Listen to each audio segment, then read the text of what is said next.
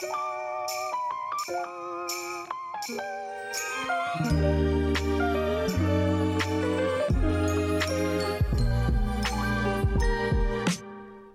bij Rumbo Norte, de podcast die je wegwijs maakt als je het noorden wat kwijt bent en je begeleidt in je innerlijke reis naar persoonlijke groei. Ik ben Michelle Pus van Thrive Coaching en als selfcare, stress en burn-out coach leer ik je te ontdekken hoe je veerkrachtig door het leven kan gaan. Ik nodig je uit op een avontuur waar zelfzorg, zelfliefde en zelfleiderschap jouw ankerpunten zijn. Dus, als jij nood hebt aan dat duwtje in de rug dat je voedt met moed, tonnen positiviteit en zelfvertrouwen, dan ben je hier op het juiste adres. Sta open voor nieuwe inzichten, zelfreflectie en aha-momentjes terwijl je luistert naar Rumbo Norte.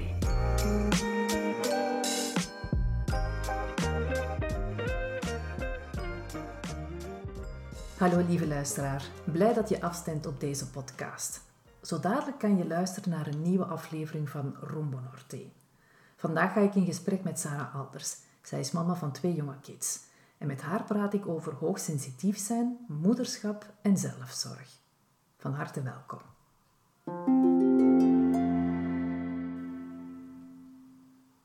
Toen cartoonist Fleur van Groeningen in 2017 haar boek Leven zonder filter uitbracht, belandde ze na enkele dagen in de top 10 van de meest verkochte boeken in Vlaanderen.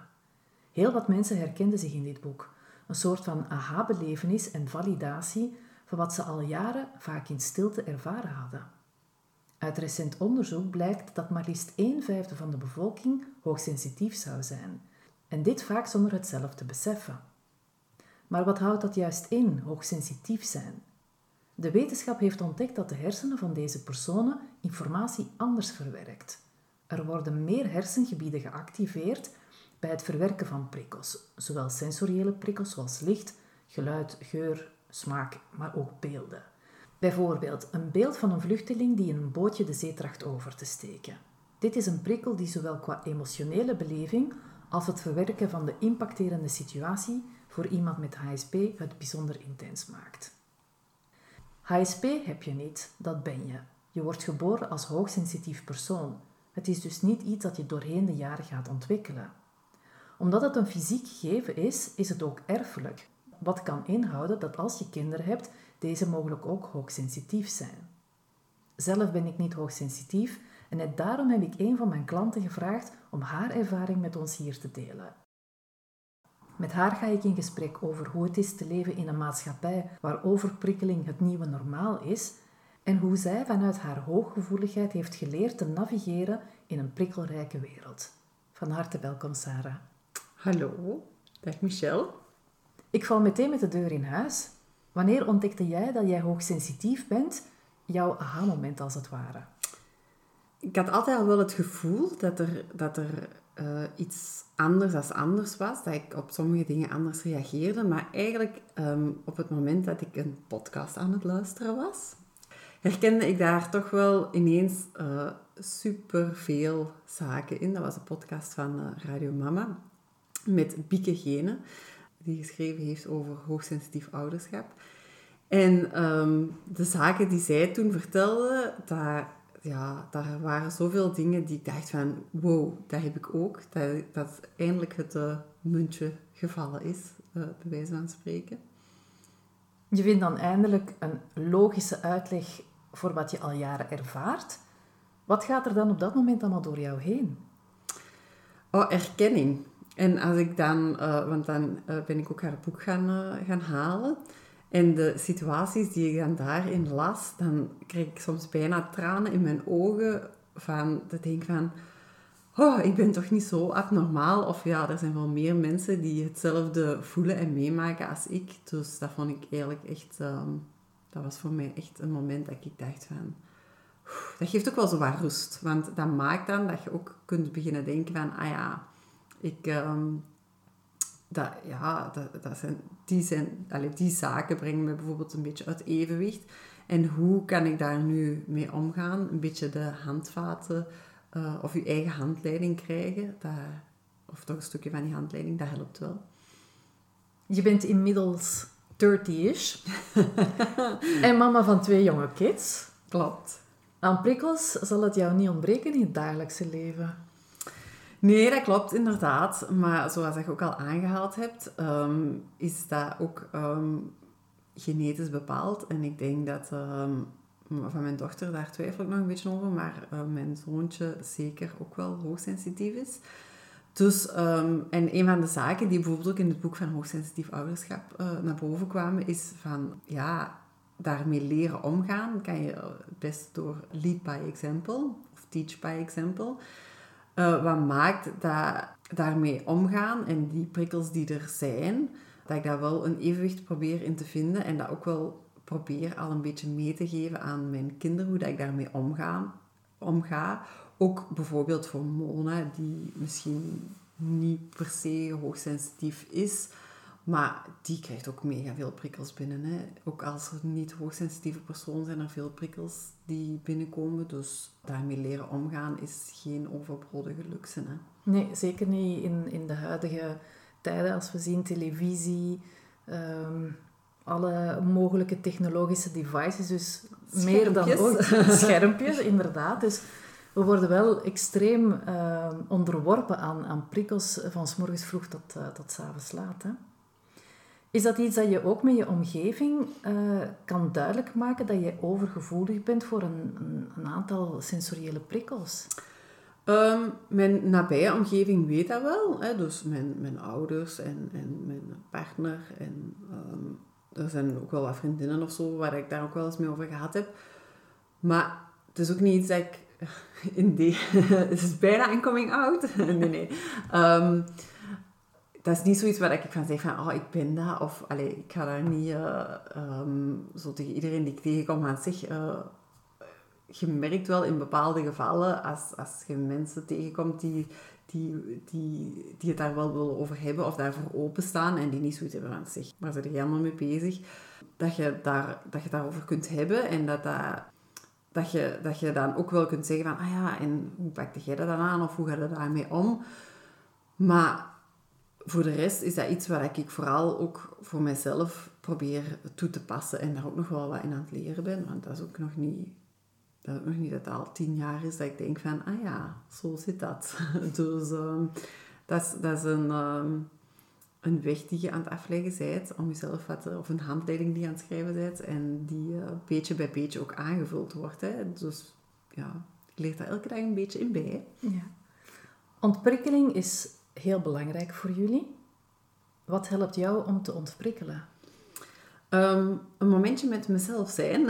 en dan bedoel ik vooral gewoon um, een goede noise cancelling headphone. Dat heb ik uh, voor mijn verjaardag cadeau gekregen. En is nog altijd een van de beste cadeaus. Ook omdat daar bijvoorbeeld goede muziek of een goede podcast rechtstreeks op mijn oren zonder de storende dampkap of een uh, strijkijzer dat lawaai maakt. Waardoor dat bepaalde activiteiten die wel bij het huishouden horen, toch ook op een bepaalde manier ontprikkelend kunnen werken. Bijvoorbeeld koken is voor mij iets waar dat met een noise cancelling headphone ontprikkelend kan werken. Met twee uh, joelende, uh, ruziemakende kinderen en een dampkap uh, die opstaat.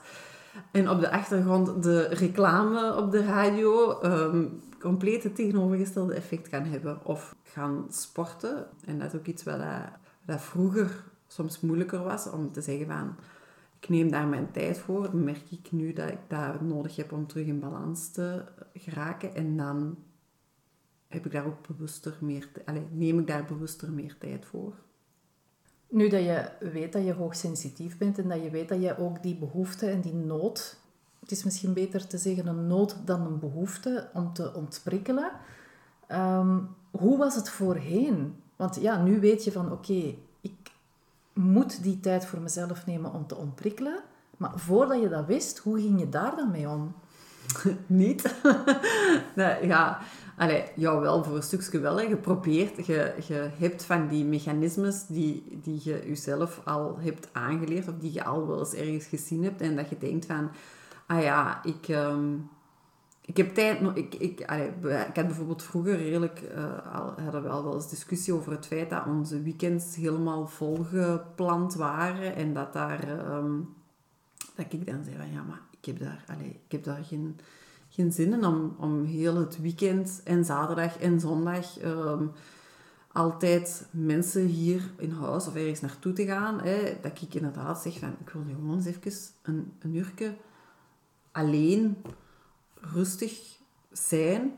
En ehm, ja, daar, allee, daar, daar was dan meer discussie rond. En nu dat je dat beseft, dat, dat, dat, dat, dat, dat, je, dat, dat je nodig hebt om te ontprikkelen, of terug een beetje in balans te komen, vind ik dat makkelijker om daar grenzen op te zetten en daar, daar bewuster mee om te gaan en dat ook met mijn partner beter te communiceren. En te zeggen van, ja, kijk, dat is wat ik nodig heb. En vroeger, als er, ja, dan, dan was ik daar minder streng op.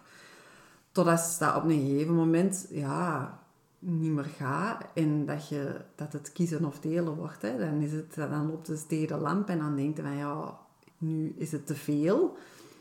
En dan kun je zeggen van, ja, het, uh, je blijft verder doen en je stevend af op een burn-out of iets dergelijks. Of je zegt nu van, oké, nu gaan we daar iets aan doen. En nu gaan we toch wel zeggen van, ja, we gaan daar toch rekening mee houden voor jezelf ook gewoon. Hè? Want in het begin dacht ik van, ja, dat ligt aan mij, dat ik daar gewoon geen zin in heb. Ik ben een introvert, uh, mijn uh, wederhelft is een extravert.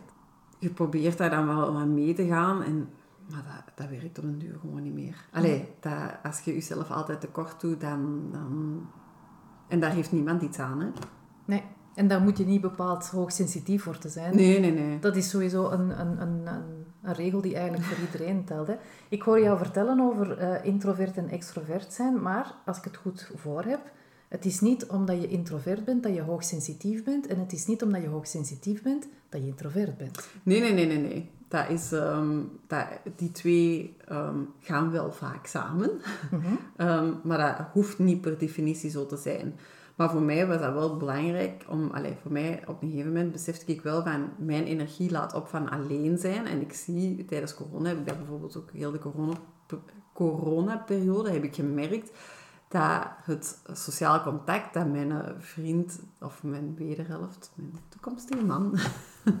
Bij deze, Sarah gaat binnenkort trouwen. um, dat hij dat wel uh, miste.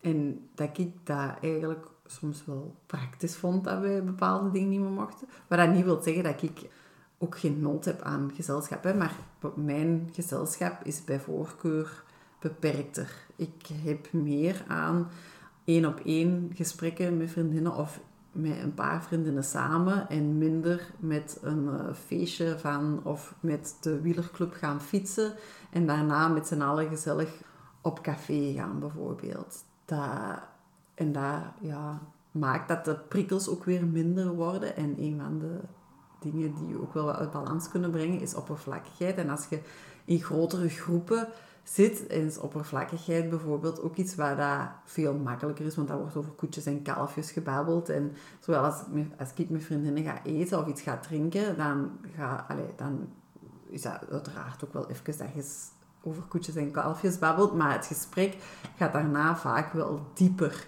waardoor dat je... Um, dat dat mij energie geeft in plaats van dat dat mij energie kost. Je, je zei er net iets uh, over dat je bijvoorbeeld op café gaat. We zijn allemaal wel jong geweest. Hoe was het dan bij jou als jij bijvoorbeeld, ik zal maar zeggen 19, 20, als je ging studeren, je zat op kot, dan hoort daar natuurlijk wel een beetje een uitgaansleven bij. Merkte je toen al dat er, dat er iets anders was in, in, in jouw manier van zijn ten opzichte van misschien andere studenten? Ik denk dat dat toen nog wel meeviel. En vooral omwille van het feit dat je op kot alleen... Allee, je hebt daar een kamer voor je alleen. Hè. Dus op zich breng je ook nog wel wat tijd alleen door. En um, dat maakt dat je inderdaad wel dat kunt combineren, volgens mij. Ik had, ik, ja, je kiest daar zelf hè, van... Oké, ja, nu ga ik eerst even naar mijn kot iets eten. En... en um, en een beetje tot mezelf komen en je spreekt daarna af. Dat is ook niet dat ik zeg van ik wil geen mensen zien of ik uh, ben asociaal of zo. Helemaal niet, want ik vind dat ook leuk om uit te gaan of, allee, of om op café te gaan. Maar ook daar is het dikwijls in beperktere kring dan, dan met heel veel mensen samen. Ik heb veel bij vriendinnen op kot gezeten of zo. Of dat we met een groepje samen aten en daarna pas uitgingen. Dus dat, ja... Ik weet niet of dat, dat echt... ehm, Ik besefte dat toen ook nog niet zo heel erg, denk Hm. ik. En zoals je aangaf, er was ook een periode waar dat je, of momenten op de dag waar dat je zelf kon kiezen om, om alleen te zijn. Ja, ja, ja. Dus dat is misschien inderdaad al een soort Ja, van ik denk, compensatie. ja ik denk dat je dat inderdaad... Ik heb dat nooit erg gevonden om alleen te zijn. Je hebt mensen die dat niet graag hebben, hè, die graag ehm, het liefst zoveel mogelijk mensen rond zich hebben, die ook ehm, in de keukens en de dingen rondhangen waar er altijd veel mensen zijn. Ik vond dat niet erg om, om, ik, allee, ik, om een periode alleen op mijn kot te zijn, want dat is inderdaad de momenten dat je wat energie bijtankt hè, Hm. Ja. en ontprikkelt en zelf kiest welke prikkels dat er binnenkomen. Hm. ja, heel herkenbaar. Wat betreft het, het, het alleen zijn. Voor mij, als ik bijvoorbeeld denk aan, aan, aan mijn jongere jaren, ehm, ik vond het heel fijn om met mensen te zijn, maar ik kon ook perfect dagen aan een stuk alleen zijn, zonder dat ik daar eigenlijk behoefte had om, om met andere mensen in contact te komen. Eh, waar, als je dan bijvoorbeeld in het buitenland, want ik heb eh, verschillende keren in mijn jongere jaren in het buitenland geleefd, in een eerste instantie kom je daar in een land waar dat je niemand kent. In een regio waar dat je misschien de taal ook niet spreekt. Dus je bent sowieso heel veel alleen. Eh, en ik denk dat het feit van introvert te zijn voor mij een voordeel is geweest met naar buitenland te gaan en goed er tegen te kunnen tegen alleen zijn. Want als je dat niet kunt, dan denk ik dat zo'n avontuur naar het buitenland gaan niet altijd even voor de hand liggend is. Vooral als het gaat over een, een land waar je de taal en de cultuur niet, niet, niet gewoon bent, dan eh, kan dat met zich wel toch wel enige uitdaging meebrengen. Dat denk ik ook, ja. Ik heb dat ook nooit... Dat schrikt mij bijvoorbeeld ook niet af. Als ik nu bijvoorbeeld denk van... Ik ehm, ga eens een dag alleen naar Antwerpen. Er zijn mensen die dan waarschijnlijk gaan denken... Wie ga ik bellen om mee te nemen? Terwijl ik kan denken... Hmm, een dagje er alleen op uittrekken. Daar, heb ik eigenlijk, daar kijk ik echt hard naar uit. Ehm, en ja, vroeger dacht, had ik dan misschien ook meer iets... Ah, dat zal eraan liggen aan het feit dat je kinderen hebt en dat je een druk, dat je, dat je een druk leven hebt of dingen. Maar nu besef ik ook dat dat, dat, dat, dat alleen zijn, dat dat voor mij wel nodig is om bepaalde dingen, al is het een beetje... Ja, op een rijtje te zetten en, en even te, te verwerken allemaal. Ik kan dat ook echt in de zetel gewoon even denken van... Even zitten en het probleem is dan dat je, dat je begint na te denken en te verwerken en dat dat aan een razendsnel tempo gaat ook op dat moment. Dus om echt te ontspannen is voor mij dikwijls inderdaad wel nodig om een eh, activiteit te doen. En dan bedoel ik iets waar ik even over moet nadenken. Niet, niet te intensief, maar bijvoorbeeld koken of gaan sporten. En dan sporten echt ook effectief een beetje nadenken over wat je moet doen. Eh, zwemmen, een training zwemmen waarbij je moet op je hartslag zwemmen of eh, lopen waarbij dat je moet nadenken van, ah ja, dit moet ik nu doen en niet of naar goede muziek luisteren terwijl je aan het lopen bent en niet gewoon gaan lopen zonder muziek, want dan beginnen je gedachten alle kanten uit te gaan en werkt dat niet zo ontspannend. Hm, Heel interessant.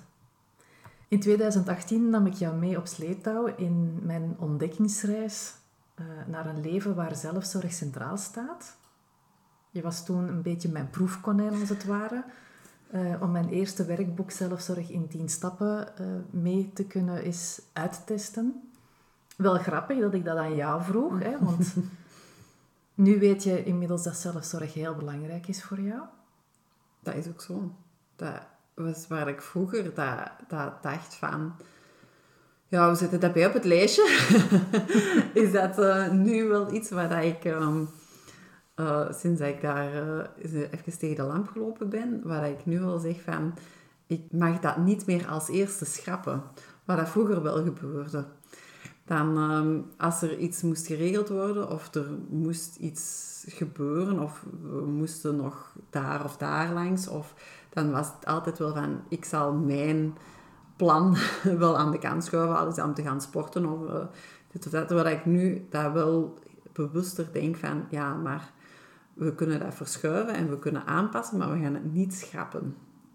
Hmm. We zetten dat, ehm, allee, die momenten en ook daarover communiceren met je partner is ehm, iets wat, dat, wat ik wel geleerd heb dat dat noodzakelijk is, want anders dan ehm, komt het niet goed. Nee, maar dat is sowieso, of dat je nu hoogsensitief bent of niet, een heel belangrijke zaak is dat je in een relatie, of dat dan nu met je partner of je gezin of wie dan ook is, dat het wel altijd heel belangrijk is om, om helder te communiceren. Want als je niet specifiek aangeeft, als het dan gaat over zelfzorg, waar dat jouw noden of behoeften liggen, als je ervan uitgaat dat andere mensen wel denken of weten wat, dat, wat dat jij nodig hebt, dan zo ontstaan misverstanden. Hè? Um, een van de belangrijke aspecten van zelfzorg, dat is de grenzen bewaken. En ook dat heel duidelijk communiceren. Zowel privé, maar ook op het werk. In welke mate heeft zelfzorg voor jou meer balans in jouw leven gebracht? Ik ehm, ben ehm, door na te gaan denken over wat ik nu eigenlijk wou, en dat was een heel moeilijke, want je zei, als je niet beseft dat je eigenlijk heel veel prikkels te verwerken hebt, dan is dat heel moeilijk om, dat, om, om je daar een beetje voor af te schermen. En dat is zowel op je werk als, als thuis. Hè. Ehm, en op je werk is dat, ja, is dat nog minder makkelijk, want daar wordt eigenlijk aan u ook, allee, laten ze ook weten wat er van u verwacht wordt. En ik ben gewoon na uh, bij Michel op coaching te komen en dat toch een beetje te leren welke, allee, met welke zaken dat ik voor mezelf moest rekening houden, ben ik daar in gesprek met mijn leidinggevende gegaan. Om te kijken van wat, wat moet er hier veranderen op dat mijn talenten bijvoorbeeld, waar ik op mijn loopbaancoaching heel veel aan gehad heb, dat we die beter kunnen inzetten. En ook gewoon dat niet al mijn energie verloren ging op het werk. Hè? Want op een gegeven moment staat zitten in een bepaald stramien. En als je maar blijft doorgaan en je staat daar nooit eens even bij stil, ja, dan, dan verandert er niks. En dan gaan dingen u vaak energie kosten, waar dat je eigenlijk niet bij stilstaat dat dat je energie kost. Dus, daar, dus door daarover in gesprek te gaan en te zeggen van ja, kijk, dit heb ik nodig. En dat ook aan uw leidinggevende te communiceren. Maakt dat wel dat daar, dat op het werk een deel veranderingen zijn doorgevoerd. En dat ik ondertussen ook binnenkort een andere job binnen bij dezelfde werkgever ga doen. Dus dat heeft wel voor een positieve evolutie gezorgd. Blij dat te dat dat uh, sowieso heeft bijgedragen. Hè? Want inderdaad, dat was ook iets dat ik met jou wou bespreken over het feit dat we dan vorig jaar op zoek zijn gegaan naar jouw zeer specifieke en unieke talenten. En nu ik een beetje meer over HSP eh, weet, lijkt het mij erop dat jouw talenten wel heel eigen zijn aan, aan dat hoogsensitief zijn. Ja, dat is wie dat je zei, hè? Ja. dus om maar, zich om, om zijn dat ook, ja, dat zijn gewoon ook zaken die, die je, je zit zo in elkaar en je kunt dat voor jezelf dan uh, in twee richtingen gaan bekijken en denken van, oh, ik moet daar iets aan doen. Of ik, maar je kunt ook proberen daar een weg in te zoeken, hoe dat je de zaken, de dingen die je goed kunt en die, die voor u ook allee, van nature uh, makkelijker gaan en die ook wel energie geven, hoe dat je die wel kunt inzetten ook, hè? dat je dat kunt gebruiken en daar makkelijker ook een balans in vinden. Hè? Het heeft eigenlijk dus jou geholpen om, om je op een andere manier te profileren op het werk. Ja, ik heb, ehm, veel, ik heb voor mezelf ook wel beslist dat ik ehm, welke zaken allee, dat ik nodig had op het werk. Hè. Mm. En daar zijn wel wat dingen uitgekomen waar ik, waar ik, uh, allee, wat ik niet verwacht had. En dat, Zoals? Ik wist dat bijvoorbeeld niet dat ik dat, ik dat zo nodig had om ehm, nieuwe dingen te leren. Ik uh, ben een kennisspons. en um, dat blijkt wel dat ik dat echt nodig heb om nieuwe dingen te leren. En in de job die ik doe, die ik ondertussen al een hele tijd doe, verander, uh, verandert er wel regelmatig wat. Maar echt nieuwe dingen leren zat daar niet meer in. Dus dat wilde zeggen dat daar, echt, dat daar wel verandering moest komen. Hè. En mijn leidinggevende, die um, moet, echt, moet daar ook echt zeggen, die heeft dat ook heel goed mee opgepikt. En die heeft um, mij ook verder uh, mee begeleid naar, uh, naar het zoeken naar, van een nieuwe uitdaging eigenlijk. Je vertelde mij ehm, nog voordat we deze podcast opnamen dat er ook zoiets is als onderprikkeling. Ja, dat klopt. Kan je daar eens iets over vertellen? Ik ben daar zelf ook nog allez, in aan het leren. maar ehm, ik, uh, je hebt eigenlijk goede en uh, goede tussen aanhalingstekens en slechte prikkels. Ehm, en uh, bepaalde dingen kunnen te veel binnenkomen, maar als, als, uh, ik kan van bepaalde prikkels ook wel um, heel blij worden. Want bijvoorbeeld geluid, als ik ergens in een winkel kom, bijvoorbeeld, waar de muziek echt snoeihard staat en daar kan ik gewoon fysiek ongemakkelijk van worden. En zeker als dat muziek is die niet helemaal mijn ding is, bijvoorbeeld, dan kan ik echt denken, oh, ik moet hier weg en hier ga ik zeker geen kleren kopen. um, of dat kost me dan toch vrij veel energie. Terwijl dat ik wel uh, de muziek in de auto, als ik uh, naar huis rijd of ik um, zonder reclame en zonder veel gebabbel tussen, dat die wel vrij luid kan staan. Maar dat is dan ook muziek die ik echt zelf kies en waar ik echt van zeg van ja, kijk, die prikkel, daar kies ik nu echt heel bewust wel voor. En ook, ja, uh, bijvoorbeeld in sporten vind ik dat bijvoorbeeld ook wel leuk. Um, om, ik train ook echt, ik krijg ook echt trainingen om daar niet gewoon gaan baantjes te zwemmen, maar echt te zeggen van, ik ga hier mijn lichaam echt wel een beetje uitdagen misschien. Uh, wat ook wel prikkels zijn, hè. Uh, dus, want dat, dat, geeft ook wel een, een beetje stress, tussen aanhalingstekens, hè, maar in de zin van... Gezonde stress. Gezonde stress. Dus ja, op dat vlak is het uh, een kwestie van ook gewoon wel in actie te komen en niet, niet altijd daar, dat te pas. Het is niet omdat je tegen bepaalde prikkels dat je daar moeilijk mee hebt. Ik word bijvoorbeeld ook heel blij van nieuwe dingen en van bijvoorbeeld nieuwe steden bezoeken en zo. En dat kan dan ofwel alleen zijn of samen met mijn gezin. Maar ik heb dat ook wel nodig om af en toe eens naar nieuwe plekken te gaan en dingen. Maar daarna dikwijls ook wel wat tijd om dat terug af te baken, om dat te verwerken en dat terug, ook terug een beetje tot rust te komen. Dus een combinatie van de twee en een goed evenwicht, om een goed evenwicht vinden in die twee, dat is, um, dat is iets, een leerpad. Ik denk dat we dat zo in een mooi woord kunnen stellen. Maar je bent nog jong uh, en je bent eigenlijk een beetje als, als een ontdekkingsreiziger die de wereld van HSP eindelijk begint beter te, te vatten.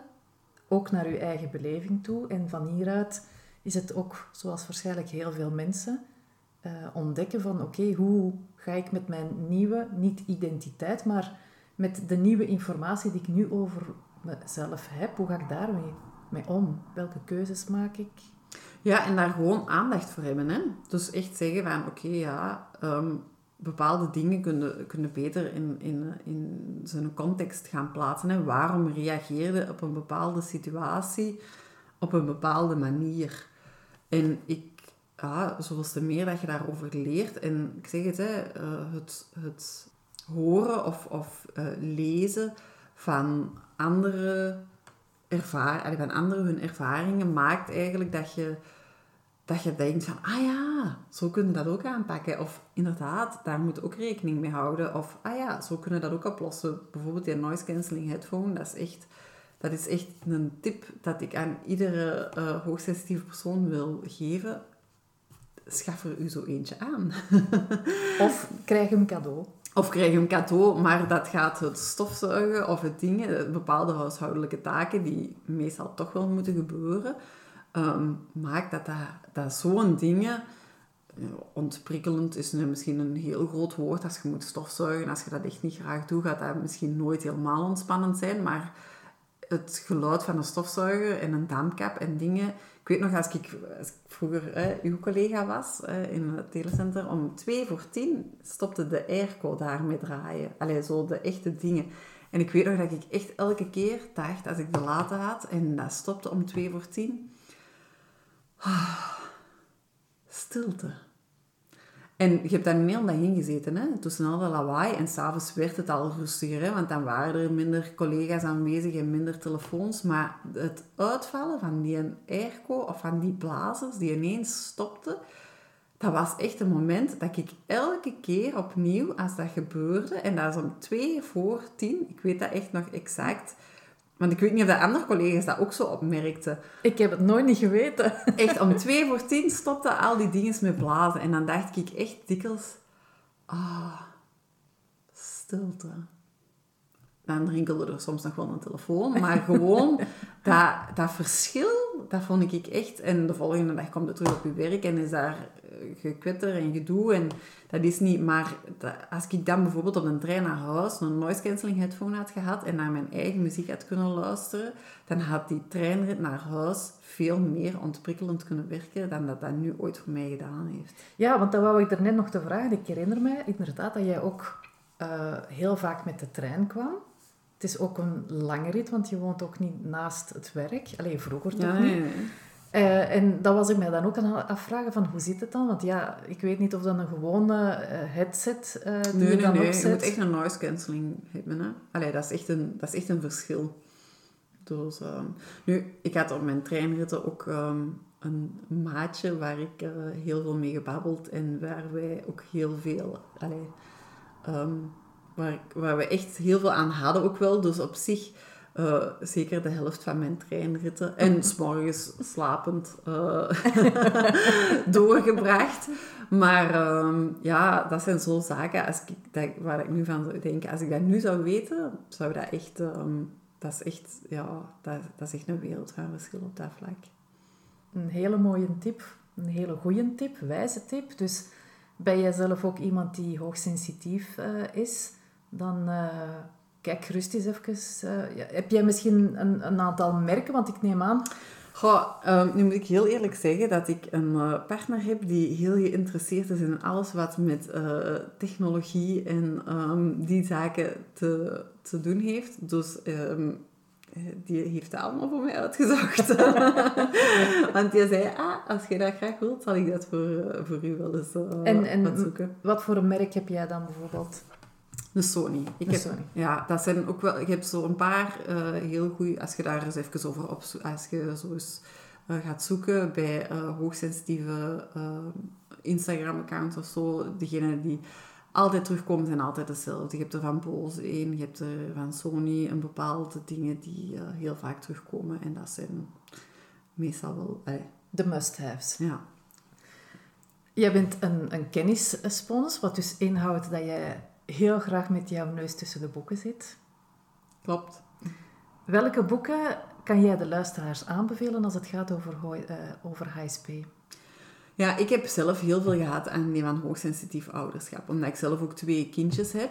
Um, en vooral ook omdat daar echt zo... Dat is, dat is op een bepaalde manier ingedeeld. Aan de hand van bepaalde... Van negen uh, triggers die je uit balans kunnen brengen. En de verhalen die daarbij, allee, of de, de dingen die daarbij verteld werden, dat was zo herkenbaar dat dat echt, dat dat echt een boek is voor alle mensen met kinderen die zelf, zelf hoogsensitief zijn of kinderen hebben die hoogsensitief zijn. Is dat echt, kan ik dat alleen maar uh, warm aanbevelen. En, en wie is de auteur van dit boek? Bieke Gene. Bieke Gene. En dan uh, natuurlijk in de podcast van Rumbo Norte, er hoort altijd een quote bij.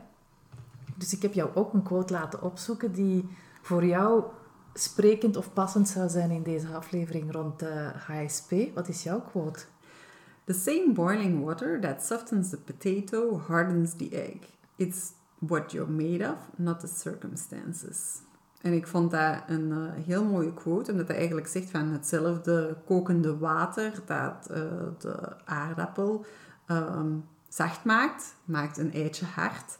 Uh, dus het is waar dat je van gemaakt, het is waar, dat je zijt eigenlijk en niet de omstandigheden die bepalen hoe dat je ergens op reageert. En ik vind voor hoogsensitieve personen is dat ook wel gewoon, dat is iets dat je zijt, hè.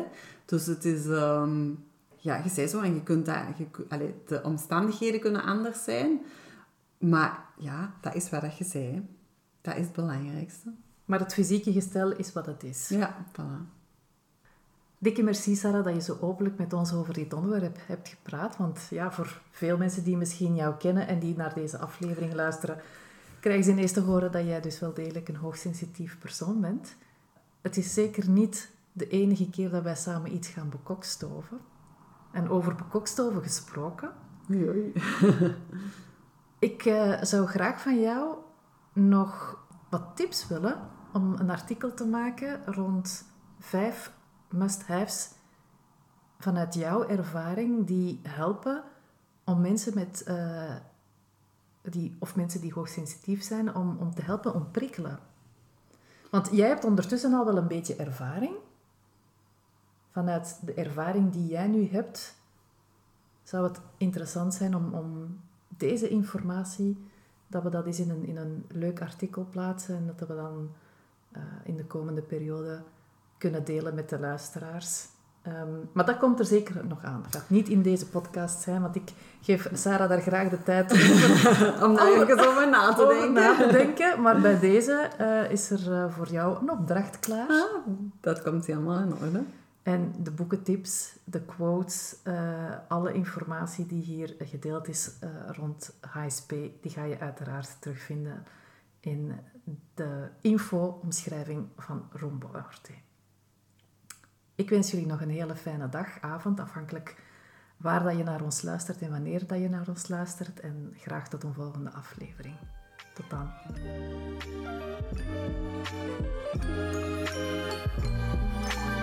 Super tof dat je luisterde naar deze aflevering van Rombo Norte. Dank je wel. Werd je geïnspireerd door deze aflevering? Of ken je iemand die ook interesse heeft in persoonlijke ontwikkeling op een down-to-earth manier? Delen mag altijd. Laat een beoordeling of review achter op de app waarmee je naar deze podcast luistert, bijvoorbeeld iTunes. Het achterlaten van een review is heel eenvoudig. Scroll naar beoordeling en recensie en laat een beoordeling achter of vertel anderen waarom jij deze podcast leuk vindt. Zo maak je het mogelijk dat anderen de weg naar deze podcast ook zullen vinden. En wil je graag weten wanneer er een nieuwe aflevering van Rombo Norte beschikbaar is? Dan kan je je ook abonneren op deze podcast. Ik wens je nog een fantastische dag en graag tot de volgende aflevering.